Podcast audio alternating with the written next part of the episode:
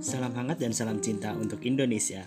Kembali lagi bersama saya Noval Hafiz, Jalan Pegawai Negeri Sipil Pusat Teknologi Bioindustri BPPT ingin membagikan sedikit pengalaman saya saat mengikuti latsar CPNS pada hari ini, 25 Juni 2021. Agenda hari ini yaitu benchmarking tokoh panutan penerapan nilai aneka serta pembelajaran asinkronus atau pembelajaran di luar kelas.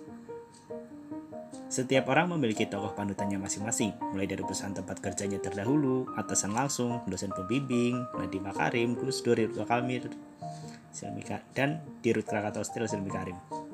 Setiap tokoh tersebut mampu menerapkan nilai anekannya sendiri. Contohnya mantan Presiden Republik Indonesia Gus Dur yang mau mengakui kesalahan dan tidak membeda-bedakan suku, agama, ras, dan golongan tertentu.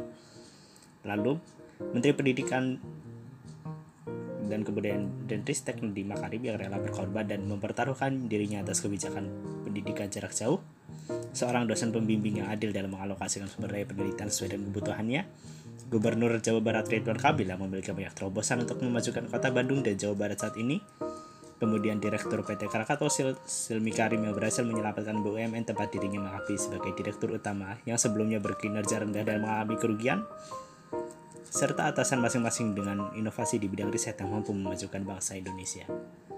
Dari tokoh-tokoh panutan tersebut, diharapkan kita dapat mengambil nilai-nilai baiknya dan menerapkannya dalam kehidupan sehari-hari.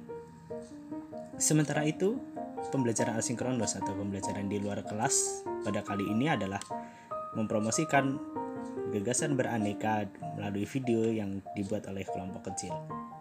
Sekian sesi sharing singkat dari saya. Terima kasih sudah mendengarkan dan sampai jumpa.